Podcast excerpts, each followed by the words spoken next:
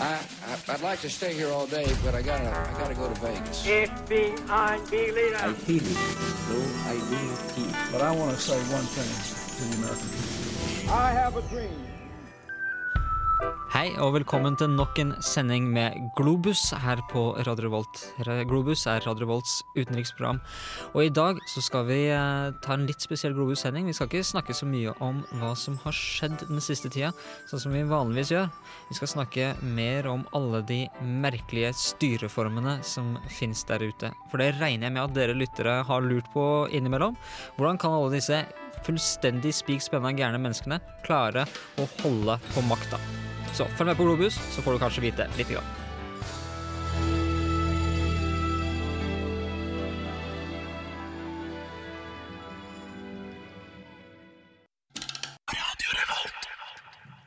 Billy Van, On My Knees, hørte du der på Radio Revolt. Du hører på Globus. Jeg heter Sigmund Grønli Bolme, og jeg skal være deres programleder i dag. Med meg i studio så har jeg Knut Hammer. og, og Åsgeir Kjetland Rabben. og, yes, og de skal hjelpe meg med å lose dere gjennom denne sendinga her. Temaet i dag er styresett. Eh, og det fins det ganske mange forskjellige eh, typer av. Vi har, eh, altså så, som dere, man sikkert er vant til, som har du demokrati, ikke sant? også mer autoritære styrer. Men det fins jo utrolig eh, forskjellige grader av autoritære styrer igjen, og, og grader av demokrati. ikke sant? Og forskjellige måter å styre demokratisk på, så klart, som passer for ulike samfunnsforhold. Det er riktig. Uh, og hvis vi går inn på det med, med demokrati, så har du jo de, de mest de mest eh, prominente da, demokratiformene er eh, sånn som det amerikanske, hvor du har uh, ren maktfordeling. Hvor du sitter med, med tre, tre forskjellige hus, altså tre makter. eh, lovgivende, utøvende og dømmende. Eh, og så er de ganske, stort, eh, ganske godt atskilt, og så har man, har man ca. like mye makt. eh, altså hver, eh, hver maktform. Eh, sånn som vi har her i Norge. Eller eh, i Storbritannia, som kanskje er det fremste eksempelet på dette, så er det parlamentarisme. ikke sant? Hvor, eh, hvor den lovgivende forsamlingen er den som sitter med den egentlige makta. Og det er jo sånn det er òg i de fleste eh, stater som scorer godt på demokratiske indekser. De fleste av de er parlamentariske, og de som hevder seg aller øverst på de fleste, eh, fleste indikatorer, og som annet statsviteren Arendt Leipart, som har gjennomført en stor eh, undersøkelse om dette, sett statistisk på ulike indikatorer, viser at de, mest demokratiske landene i verden, da er eh, parlamentarisk monarki. Iallfall ut ifra hans definisjoner av demokrati. Mens blant presidensielle republikker, altså sånn som USA som du snakker om, uh, som har en folkevalgt president med stor uh, uh, utøvende makt, så er det veldig få andre enn nettopp USA som kan sies å være godt fungerende demokrati. Mm. Sør-Amerika har jo Mange land i Sør-Amerika har jo tilsvarende system. Prøver det amerikanske systemet. Ja, og ja, en del av de har jo ja, de senere år blitt eh, gradvis mer demokratiske, men de har jo ei, ei fortid med mange situasjoner med fullstendig eh, låst situasjon mellom president og parlament som har ført til statskupp og den slags. Eh, mange vil påstå at dette presidensielt system er mer stivbeint sånn sett, at du kan få helt låste situasjoner. Mm. Ja, og I tillegg så har de jo den her i gråsonen, da, hvor vi har eh, nasjoner som hevder kanskje at de har demokrati, og så er det egentlig kanskje mye mer autoritært enn demokratisk. Mm. For jeg kan tenke for eksempel på Russland, da, som skulle liksom være det nye demokratiet etter uh, nye reformen etter Sovjets fall, men det har jo egentlig ikke skjedd. Ikke egentlig. Det morsomme er at de, de eh, prøver så veldig hardt da, å si at de er demokratier. Ikke sant? Så det er Mm. tydelig at demokratiet står høyt i kurs. Ja, det har vel omtrent uh, enerett som eh, legitim maktform i dag, på internasjonalt nivå i alle fall. Mm. Eh, omtrent alle land i verden hevder det er demokrati.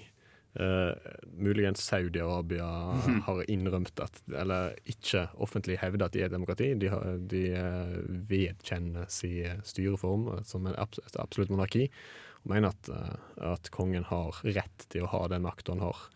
Eh, mens eh, ellers eh, i verden så vil alle statsledere hevde når de møter andre statsledere, at ja, vårt land er et demokrati, vi, vi, gir, eh, vi styrer etter folkets vilje.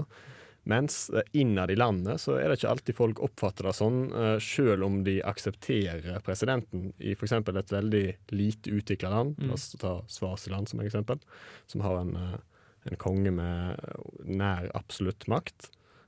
Han blir akseptert pga. den lange tradisjonen eh, landet har for nettopp den type styresett, og ei veldig lite utdanna befolkning som har, vet veldig lite om andre mulige måter å styre et land på. Man har snakka veldig mye, iallfall i, i statsvitenskapelige kretser og andre steder også, om amerikanernes eh, etter hvert eh, svekkelse da, og fall. ikke sant? Eh, USA er på vei ned. eh, the decline of the United States. Og eh, vi må jo kunne si at det er, vi er ikke helt der ennå, når, når eh, demokrati og nettopp, altså liberalt demokrati har en så stor, uh, høy status uh, i verden. Ja, man kan jo se indikasjonen til det. på en måte. Man kan si the, the flaws av det av det amerikanske eller republikanske systemet. Da, med, eller det er republikken hvor du har tre styreformer. For hvis ingen har lyst til å samarbeide, så kommer kom man jo ingen vei, siden det er, makten er fordelt i tre. Så det er mye vanskeligere å få fram en hardt nødvendig reform. Eh, veldig, veldig riktig. Eh, jeg har lyst til å gå tilbake til det du sa, Oskar, om Saudi-Arabia. For det er et ganske interessant, eh, interessant land. De har, har konge. eh, og en bunch med prinser og forskjellige adelsfolk. Ja. Og rike oljesjeiker. Ja. Ja, de har jo et forholdsvis nytt demokratisk styre. Saudi-Arabia ble ikke etablert som stat før på begynnelsen av 1900-tallet. Og det ble aldri skrevet ned eh, ei grunnlov som eh, viste hvordan eh, maktovergangene skulle foregå langt fram i tid. Så fram til nå, sånn det foregår ennå, er at det er sønnene til den første kongen av Saudi-Arabia som fortsatt eh, er arveprinser. Mens eh, den yngste av de nå er vel eh, nærmer seg vel 80, muligens. Kanskje Ja. i 70-årsalderen. Så snart kommer noe til å skje der, iallfall. Men ingen vet helt hva. For når han er død, da er det, ja, som du sier, haugavis med prinser som kan kreve eh, Som alle kan si at hevder at de har rett til makta i Saudi-Arabia. Mm. Eh, det er også litt morsomt det der eh, med, med arverekkefølgen. Han kongen nå er vel relativt altså relativt i saudi-arabisk forstand liberal. Og så har på en måte sønnene hans vært konservativ, liberal, konservativ, li- liberal etter hverandre. da. Eh, og krangla om det. Det er kanskje han siste som døde nå, var fryktelig konservativ, ville ha kvinner eh, helt fullstendig låst inne i hus, f.eks. Uh, han arveprinsen som er nå, som er den yngste som du snakker om, han er vel til og med åpen for at de kan kjøre bil. Det høres nesten ut som en slags Altså det er nesten som en slags eh, sånn, eh, sånn søskenkjærlighet. Fordi at man, man, man har ikke lyst til å identifisere seg på lik grad med en, med en storebroren, f.eks. Så det har alltid vært sånn at da skal man være annerledes, og da går det enten liberal eller konservativ. Eh, vi skal prate mer om eh, det her etterpå. Eh, vi skal høre Veldig snart i sendinga skal vi høre Knut Aashammer, som har lagd en sak om det som ble kalt liber, eh, liberum veto, altså fritt veto, da. Eh, veldig interessant eh, politisk styreform som eh, de hadde i Polen på slutten av 1600-tallet, begynnelsen av 1700-tallet. Men før det så kommer Chronics, eh, Here Comes Trouble.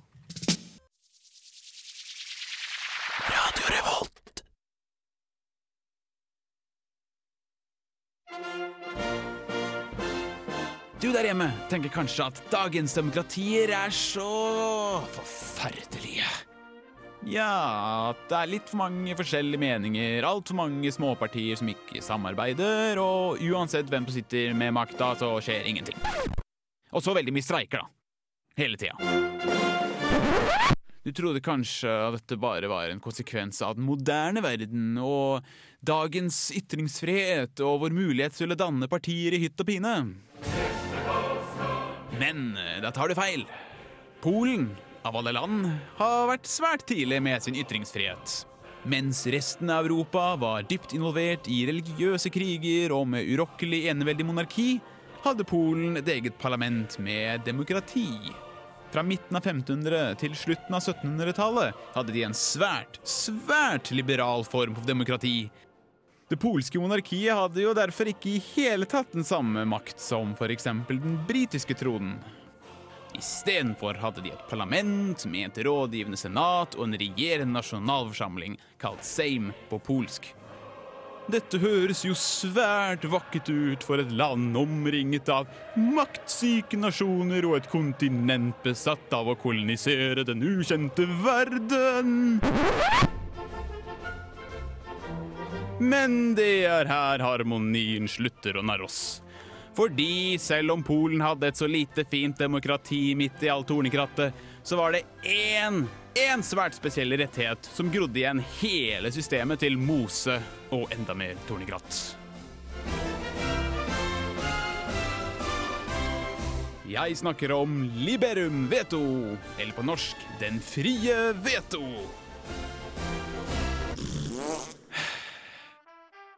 Dette var en total vetorett som hver eneste av de 460 tillitsvalgte i Seim hadde.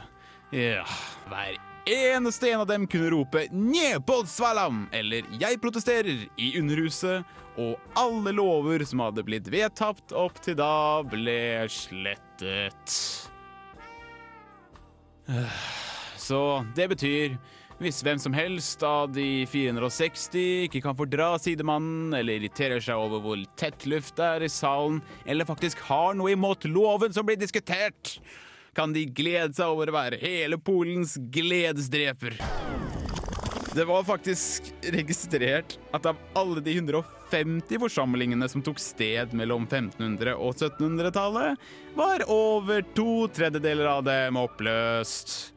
Over 100 ganger har alle disse menneskene strevd seg til Underhuset bare for å finne ut at det var falsk alarm, og landet blir handlingslamma nok en gang. Hele generasjoner polske innbyggere trodde gjennom hele livet sitt at demokrati sto for unntakstilstand.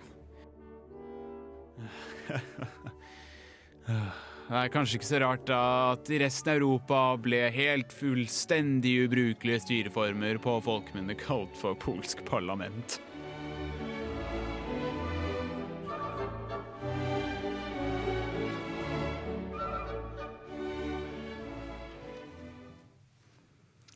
Liberum veto, altså det som Knut Aasheimer fortalte oss om.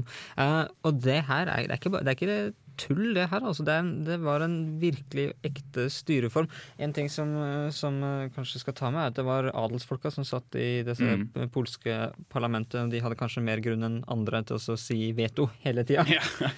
Eh, men, eh, men ja, og historikere, seriøse historikere antar vel at Liberum veto antageligvis en av grunnene til at det store polske riket fra 1500- og 1600-tallet falt sammen på 1700-tallet og til slutt ble slukt av Østerrike, Prøysen og Russland. Ja, når du snakker om eh, fremmede stormakter som Prøysen eh, og Østerrike-Ungarn, så var jo dette systemet her eh, designet på sånn måte at det var utrolig lett å bestikke seg fram til full stagnasjon i Polen for utenlandske stormakter, eller for, for fremmede makter. Mm. Hvis du greide å bestikke en eneste av eh, parlamentarikerne, så fikk du jo eh, satt kjepper i hjula for den politiske prosessen i hele landet. Ja. Og akkurat da er vel eh, en av grunnene til at da, da er polsk-litauiske samveldet stagnerte. Mm. Ja, man kan jo tenke deg selv at når hver eneste person har nesten en slags personlig makt da, i politikken, og politikken da blir personlig, så, så går det ikke særlig bra. I tillegg så er dette her adelsfolk som eh, konkurrerer med hverandre om prestisje, om landområder, om makt. Jeg kan nesten se på det som eh, forskjellige stater som konkurrerer. Og, Ja, det gjør vel strengt at det ikke, ikke nødvendigvis ute etter å fremme landet Nei. Polen, Litauen eh, sitt, eh, sitt beste, men sine egne særinteresser. Og da skal det vel nok til at de greier å vedta noe, noe som helst enstemmig. ja, Mm. Det er nesten overraskende at en tredjedel faktisk ble gjennomført Ja, ja. uten at veto ble brukt. 150 år, og så greide i hvert fall kanskje 50 av disse årene å ha noe slags eh, gjennomslag. Det er ganske utrolig. Eh, åpenbart tegn på et eh, dårlig, dårlig demokrati. Fins dårlige demokratier òg. Uh, som nevnte Latin-Amerika har hatt nok av sine opp igjennom. Eh, og det er litt morsomt, Vi skal gå tilbake til grunntanken. altså I forskjellige styresett så har du jo altså Aristoteles sine seks forskjellige, for de av oss som har hatt X-Fill, hvor du har uh, to former for uh, diktatur, to former for demokrati og to former for hva skal vi kalle det, aristokrati, er det han kaller det? Eh, Ja, det er vel den ene. Den ene av de, ja. Så, altså Anarki fåtallsstyre, da. er vel andre, da. Fåtallsstyre, om du vil. Eh, hvor demokrati er den negative. Ja. Ikke sant? Det er hvor folket har makta og ingenting blir gjort. Eh, og så har du politi, er det det han kaller det? Som er det positive demokratiet. Uh, ja, det, er ikke aristokratiet som rett og slett er de beste sitt styre. Jeg mente Nei, aristokratiet var det. Eh, ikke? politi er det beste demokratiske styret, det er jeg helt sikker på. Jeg, jeg fulgte med i X-Fill. Mhm. Eh, uh, nei, politi er det beste av det demokratiske styrene, og så har du det grad to, som er da hvor du har oligarki, som er det negative. Mm. Mm. Uh, og så har du aristokrati, som, som dere snakker om, som er det, positive. Og han snakker om at politi og aristokrati er de to beste man kan man jage etter. Også i politi så er det viktig å ta med at Aristoteles ikke regner med at alle skal ha stemmeretten. Fattige folk skal ikke få lov til å stemme, f.eks. Ei heller kvinner. Nei, det måtte vel være uavhengige, frie menn som ikke kunne stemme pga. Interessene til personer de var avhengige av. Nettopp. nettopp. så måtte de ha en, enten en fast, viktig stilling da, eller ha en arbeid som var viktig for samfunnet. De måtte ha råd de, det, det her var det de måtte ha råd til å kjøpe seg sjøl rustning og våpen, så de kunne føre krig uh, uh, for, uh, for altså bystaten. Eh, de to øverste er altså, tyranni og monarki. Så han nevner her også monarki som en, som en veldig god, eh, god styreform. Eh, gå tilbake til det med, med kjempe for bystaten. Eh, er det noen som har fått med seg Det var en liten debatt Det har vært en debatt i Sveits nå, For alle sveitsiske menn skal jo eh, kunne Skal jo ha våpen. Mm. Det er en veldig, veldig interessant uh, måte å gjennomføre altså, verneplikten på. Alle sveitsiske menn, uh, og det har vært snakk om kvinner, men, men ikke ennå, uh, blir trent opp, og så har de et våpen hjemme. Mm.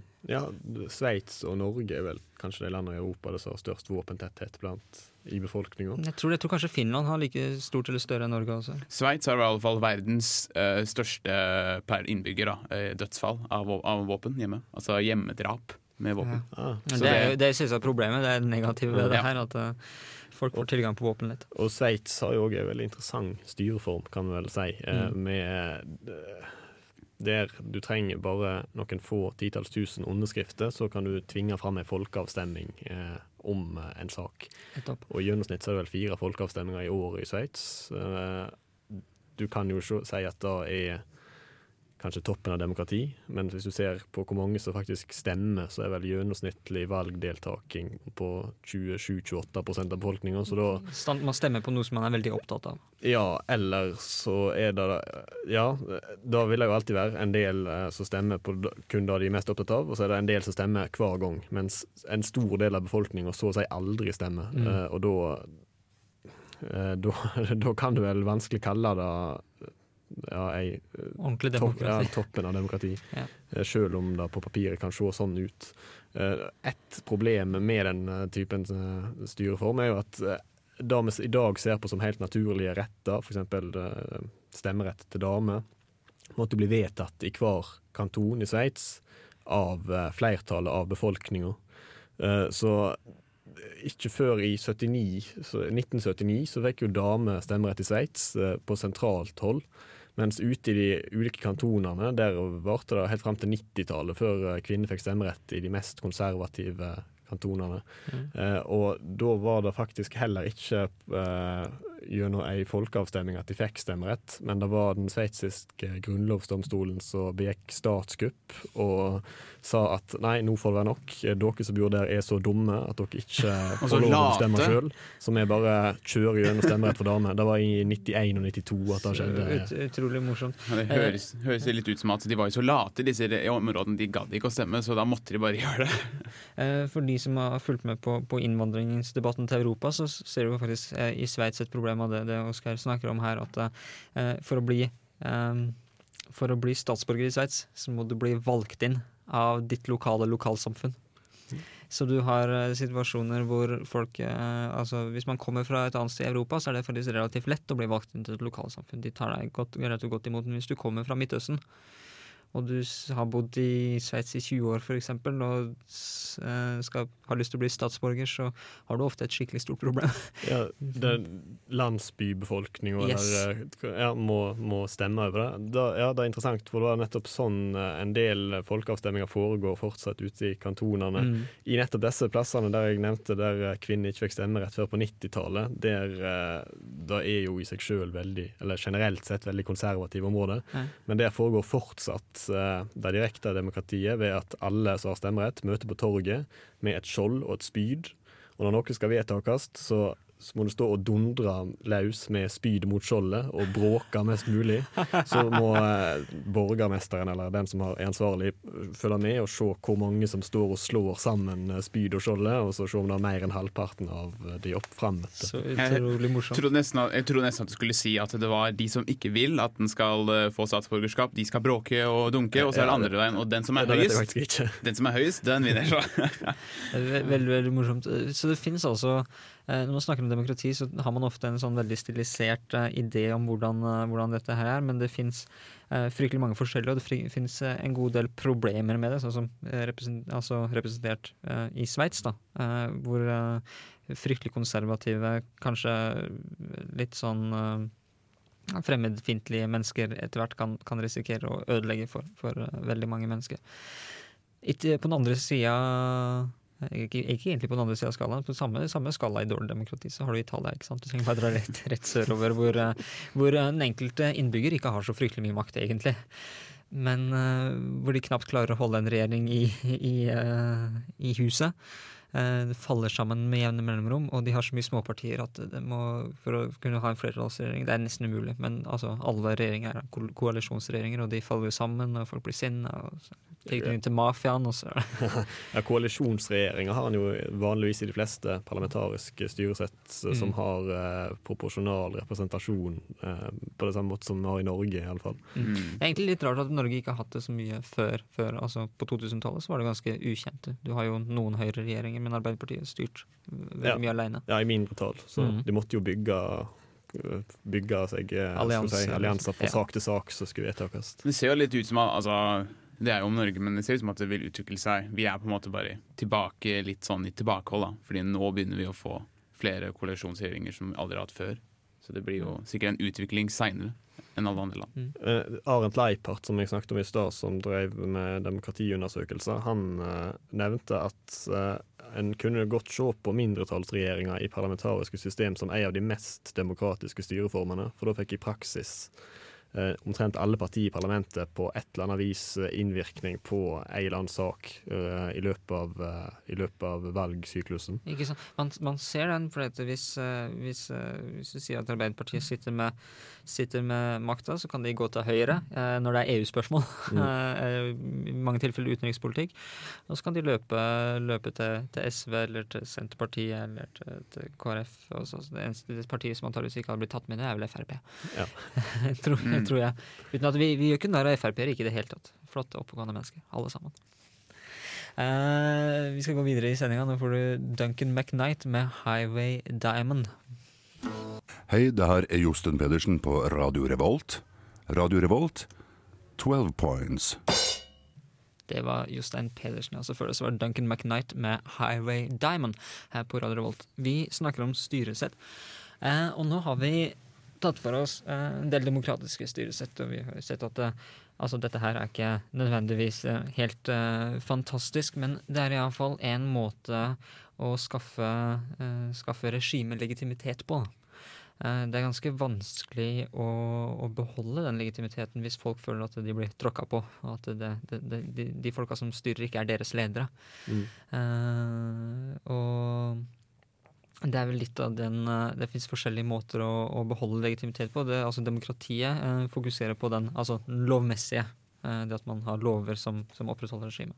Ja, eh, det er jo ei, hvis vi ser på Max Weber sine tre kilder til legitimitet, så er jo eh, rasjonell legal eh, representert av demokratiet den Mm. ene, den, den eh, aller viktigste i vår tid, men som samtidig eh, viser til at en leder kan ha demok nei, eh, karismatisk legitimitet.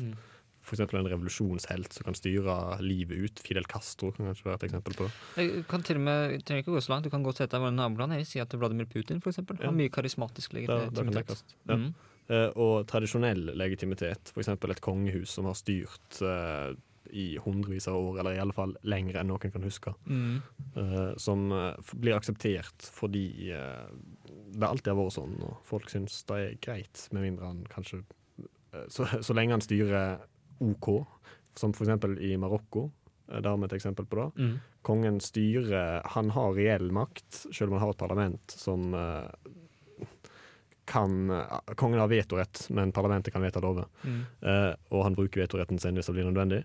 Eh, men eh, han blir akseptert av det meste av befolkninga fordi han eh, har eh, kommer fra et dynasti som har styrt veldig lenge, og han kan til og med vise at eh, en av forfedrene hans er selveste profeten Muhammed, så han har to former for tradisjonell legitimitet Ja, der. En viss religiøs legitimitet. Mm. Og så er store deler av befolkningen og landet hans analfabeter. De kjenner omtrent ikke til styresett i noen andre land. De eh, ser kongen på fjernsyn, ser bilder av han overalt. Eh, De hører han på radioen kanskje hver dag. Så for han er, for befolkninga i Marokko så er han den store lederen. Kan, veldig mange kan ikke tenke seg et styresett uten han. Mens, mens disse de- demonstrasjonene som vi tidligere snakka om i Globus, de foregår i eh, i Marokko. Foregår i kystbyer ved Middelhavet, der det er nært eh, til Spania, i Rabat, Casablanca, Mm. Tanger, eh, der eh, kontakten med Europa er større. Mens veldig stor del av befolkningen i Marokko lever langt vekk fra Europa, langt inn i landet. Jeg har lyst til å ta et uh, bitte lite sidespor, for det her kan sammenlignes litt med situasjonen Norge var i mens vi var under den danske kongen. For det du, det du ser, er at uh, bønder som bor inne i landet, gjerne eh, ofte er veldig positive til den danske kongen. De tror at uh, den norske kongen som sitter i København, er en type julenissekarakter som bare er snill og god. En gammel mann som passer på det, ikke sant? og som eventuelt kanskje til og med innimellom beskytter de mot, mot den slemme lensmannen eller uh, fogden og sånn. Så du har jo uh, situasjoner hvor uh, norske bønder har skrevet brev til kongen i København og bedt om om ikke han kan be skatteinnkreverne ta oss og skjerpe seg, kanskje til og med arrestere de litt, fordi de er noen sleipinger, og kongen har måttet svare på det her, ikke sant? Det har vært koselig Ja. tilbake. Ja, det var jo en del eh, skattefogder som ble avsatt pga. Av den slags klage fra vanlige folk. Nettopp. Opprettholde den, eh, den ideen om at man, man har en legitim rett til å så- styre. Ikke sant? For, du, for du må gjøre noe også, du kan Ja. ikke bare sitte der. Og det ser man vel litt med kongen i Marokko også. Han har jo iallfall begynt på noen reformer. Ja. Eh, som, eh, altså, som han sier skal bringe Marokko mer inn i den demokratiske tradisjonen. Da. Ja, og i tillegg en del prosjekt så, med tanke på infrastruktur og skolegang, utdanning, den slags, som skal bringe Marokko mer inn i den moderne verden generelt sett. Og da, det kongen gjør da, er jo skummelt for han. Fordi på, eller, på den ene sida så tilfredsstiller han kanskje den delen av befolkninga som har utdanning, som er klar over at statslederen må styre på en måte som gjør at landet blir utvikla. Mens på den andre sida så gjør han jo at uh, hele befolkninga på sikt vil få en viss utdanning og vil få kjennskap til andre styresett rundt omkring, og da muligens ikke lenger vil akseptere at kongen styrer. Ja, og Hvis man ser på det du nå sa, Oskar, og ser da på Saudi-Arabia, hvordan skal man gjøre det? For I Saudi-Arabia har de jo mye mer til, tilkjennelse og viten, og viten om resten av verden. Men de ser kanskje det her er med tradisjonens tro, da. At de har alltid hatt en monark. så... Eh, ja, altså hvis Jeg får lov til Jeg tror at Saudi-Arabia er et veldig spesielt tilfelle. Jeg, jeg tror at eh, når, når Max Eus snakker om tradisjonelle regimer, så ville han ikke sett på Saudi-Arabia egentlig som et tradisjonelt eh, regime. Kanskje mer karismatisk, men ikke helt det heller. Det er en type føydalstat, egentlig, nesten. Uh, ja, eh, du skal fortsette, men uh, han ville nok ha tatt med i betraktninga at den saudiarabiske kongefamilien styrer som voktere av Mekka og Medina, og på den måten har tradisjonell Religiøst legitimitet. inne, i- inne i bildet. Og da kan, uh, blir ofte satt under da, kategorien tradisjonell legitimitet. Men den saudiarabiske kongefamilien er jo en kongefamilie som i utgangspunktet britene støtta. Uh, Mm. ikke sant? Eh, og deres hemmelighet kanskje er at de klarer å samle alle disse andre stammene som fins i Saudi-Arabia, rundt seg. Og Det er den tradisjonelle føydalismen. det at man Kongen eh, må være sterkest, men han trenger ikke være sterk nok til å banke alle andre. Han må bare være sterk nok til å kunne banke hver enkelt av alle de andre, kanskje de to sterkeste av de andre. Eh, For da kan han legge tungen på vektskålen ikke sant? og så sette alle disse andre adelsfolka opp mot hverandre. Og den saudiarabiske kongefamilien tror jeg fungerer eh, til en viss grad på denne, denne, denne liksom gamle føydalistiske måten her. altså. Mm. Og eh, i tillegg så har de jo en ressurs som eh, Marokko sin konge ikke har, nemlig olje i så enorme mengder at de kan betale seg ut av veldig mange problemer. Ja. Og, og, og før Saudi-Arabia oppdaga olje, så var det her faktisk et, et alvorlig problem. For den saudi-arabiske kongen han løp til Storbritannia og ba om penger. Konstant, kontinuerlig ba om penger. For han, han, måtte, han måtte gi penger til stammelederne eh, for å beholde lojaliteten deres. Eh, og han måtte bygge nye palasser eh, hele tida eh, til sønnene sine og til, til, til barnebarna sine, for de formerte seg jo relativt kjapt. Ikke sant? Han hadde jo mange koner. Det, det samme foregikk eh, rett i nabolandet til Saudi-Arabia, i De forente arabiske emirat. eh, Der eh, eh, Men av motsatt Eller av en annen grunn, da.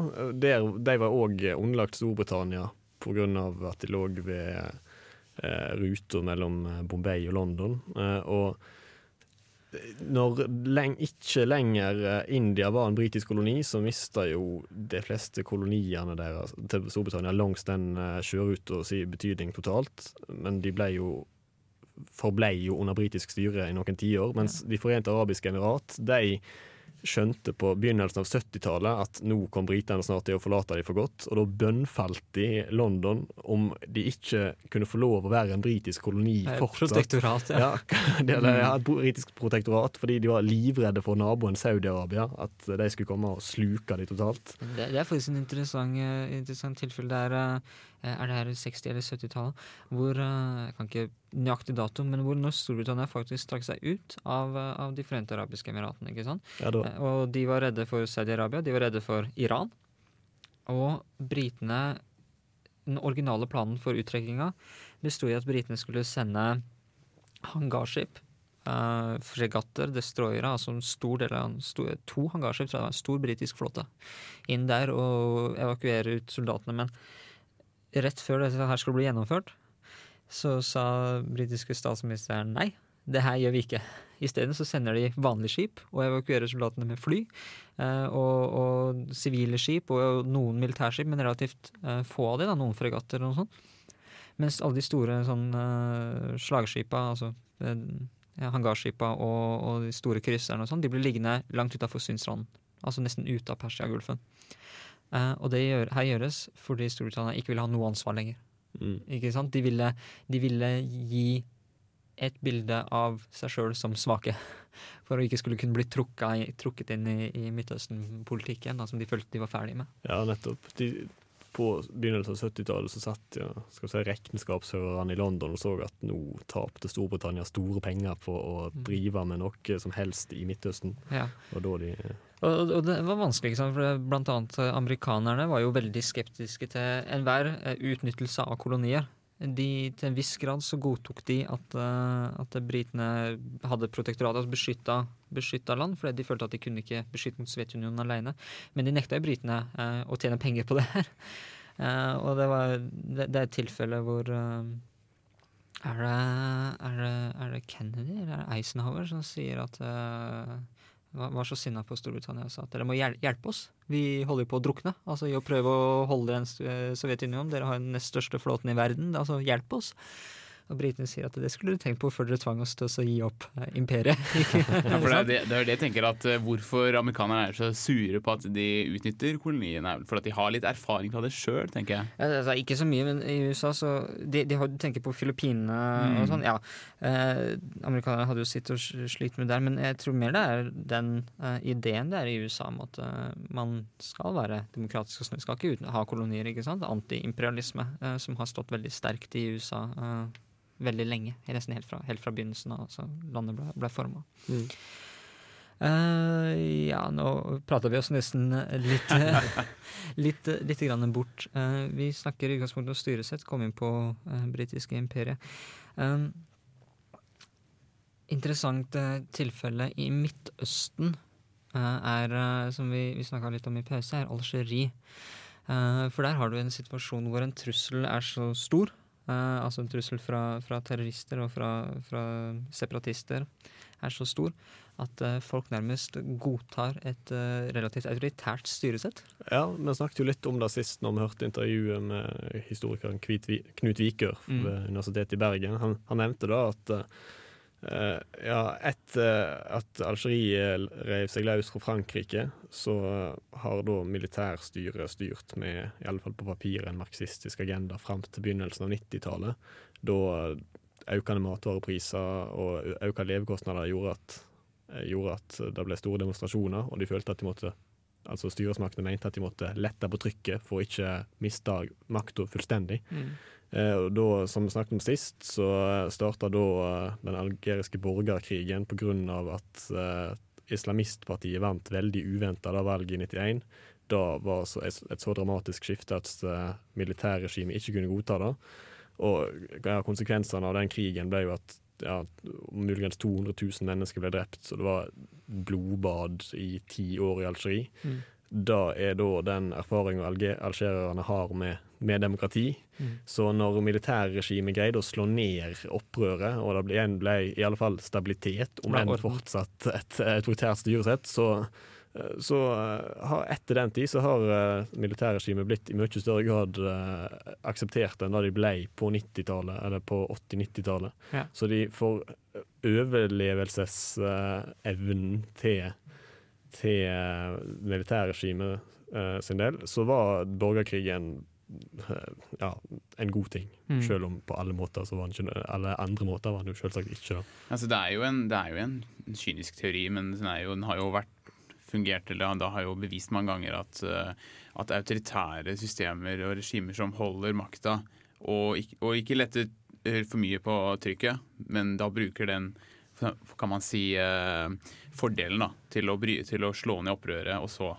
proklamere seg som vinner og, og beskytter av alle andre som var utsatt. Og på den måten da få tilbake tilliten igjen. Mm. For en liten periode før det skjer igjen, muligens. Eh, et annet regime som, som kan ha eh, Som ser ut til å kunne bruke den samme teknikken, er, er faktisk eh, Kina. Hvis man leser noen, noen tekster om kinesisk demokrati altså Veldig mange amerikanske liberalister da, i statsvitenskapen har trodd at hvis USA hjelper Kina i gang, så vi kinesiske, den kinesiske middelklassen, som blir sterkere og sterkere, til slutt krever demokrati. Ser ut til at det ikke nødvendigvis er riktig. og det er litt interessant, en interessant eh, ting. Fordi at istedenfor å kreve demokrati, så ser det ut til at den kinesiske middelklassen til en viss grad støtter opp om uh, det autoritære styret, altså kommunistpartiet i Kina. uh, og faktisk godtar godtar eh, at de har makta, for det er det vil holde de store massene, altså bøndene, i ro og nede, sånn at de ikke skal gjøre opprør. Eh, vi prata veldig mye om uh, styresett. Når vi er inne på Kina, så eh, passer det egentlig ganske godt, for vi skal videre til siste del. Vi har sendt det før, eh, første del. Men siste delen av et intervju med Anders Sjåstad, tidligere utenriksminister i Norge, eh, hvor han prater om Kina og kinesisk strategi eh, i hovedsak. Denne gangen her så er det sentrale Asia som han eh, fokuserer på. Hvis vi ser på Kina sine naboland lenger mot nordvest, altså de sentralasiatiske statene, så er jo da en region som Kina har stadig mer kontakt med. Og de er vel sånn sett interessert i at den regionen er stabil. Så hva for en rolle kan Kina spille i Afghanistan etter at Nato trekker seg ut? Kina har nok et tosidig ønske. På den ene side så ser de på Sentral-Asia som et område hvor de kan skaffe seg råvarer eh, som de er på jakt etter overalt. Og de har langt på vei overtatt noe av den gamle Sovjetunionens innflytelse i disse områdene den gang de, de, disse, noen av disse områdene var dominert fra Moskva. Eh, det de samtidig er interessert i, er jo å holde USA, og antagelig også Russland, litt unna eh, Sentral-Asia, for derigjennom å styrke sin egen posisjon. Og hvordan eh, ser eh, land som Tadsjikistan, Kirgisistan, som du sier tradisjonelt har eh, vært innen Moskva sin innflytelsessfære, hvordan ser disse statene på den økende kinesiske makta? De har nok litt frende sin. På den ene side så ser de altså fordelen i å gjøre seg mer uavhengig av russisk innflytelse, eh, og kan se kinesisk samkvem som en, et middel til å få dette til. På den annen side så ønsker de selvfølgelig ikke å bli dominert av Kina, så det er en vanskelig balansegang for dem å gå. Og så ønsker de da selvfølgelig også å få avsetning på sine råvarer, og det de ellers måtte kunne eksportere av olje og gass. Og det er også et hensyn som de da må veie i forhold til hvor stor innflytelse de ønsker at Kina skal ha i sitt område. Er Russland og Kina på kollisjonskurs i denne regionen her? De hevder jo selv begge to offisielt at de har aldri hatt et så godt forhold seg imellom som de har nå. Og et stykke på vei er nok dette riktig. På den annen side så er det ikke noen tvil om at de har en gjensidig mistanke mot hverandre og ikke ønsker at en annen part skal bli dominerende. Og Derfor ser vi nok eh, en underliggende uro både i Beijing og i Moskva, og særlig kanskje i Moskva fordi at Kina ser ut til bare å vokse seg mektigere og mektigere. Du hører på Radio Revolt, studentradioen i Trondheim. Det gjør du, og ikke bare Radio Revolt, men Globus, Radio Revolts eh, fantastiske utenriksprogram. Eh, vi har snakka om eh, styresett, og så for å avslutte å være litt patriotiske, du kan gjøre det verre enn det norske styresettet, egentlig. Da er fullt mulig. Det er ganske Ja. mulig, ja. Jeg bare håper på at vi klarer å, klarer å beholde, beholde det. Eh, For det er jo ikke noe selvfølge i det hele tatt, egentlig. Eh, Å skulle beholde demokrati og frihet. Nå ble jeg fryktelig alvorlig på slutten. Ikke noe mer 9. april, er det du mener? Nei, jeg var ikke, var ikke sånn jeg tenkte. Det er jo fullt mulig å miste til interne saker. Men, eh, men Globus er iallfall uh, på vei mot slutt for denne uka her. Vi håper at du uh, hadde det gøy sammen med oss, og så at du hører på neste gang. I studio i dag så har du hørt eh, Sigmund Grønli Bolme. Jeg var din programleder. Knut Åshammer. Og Oskar Kjetland Rabben. Ja. Eh, og uh, takk for følget. Og så vil vi si ha det bra, og så håper vi at eh, du følger på neste gang.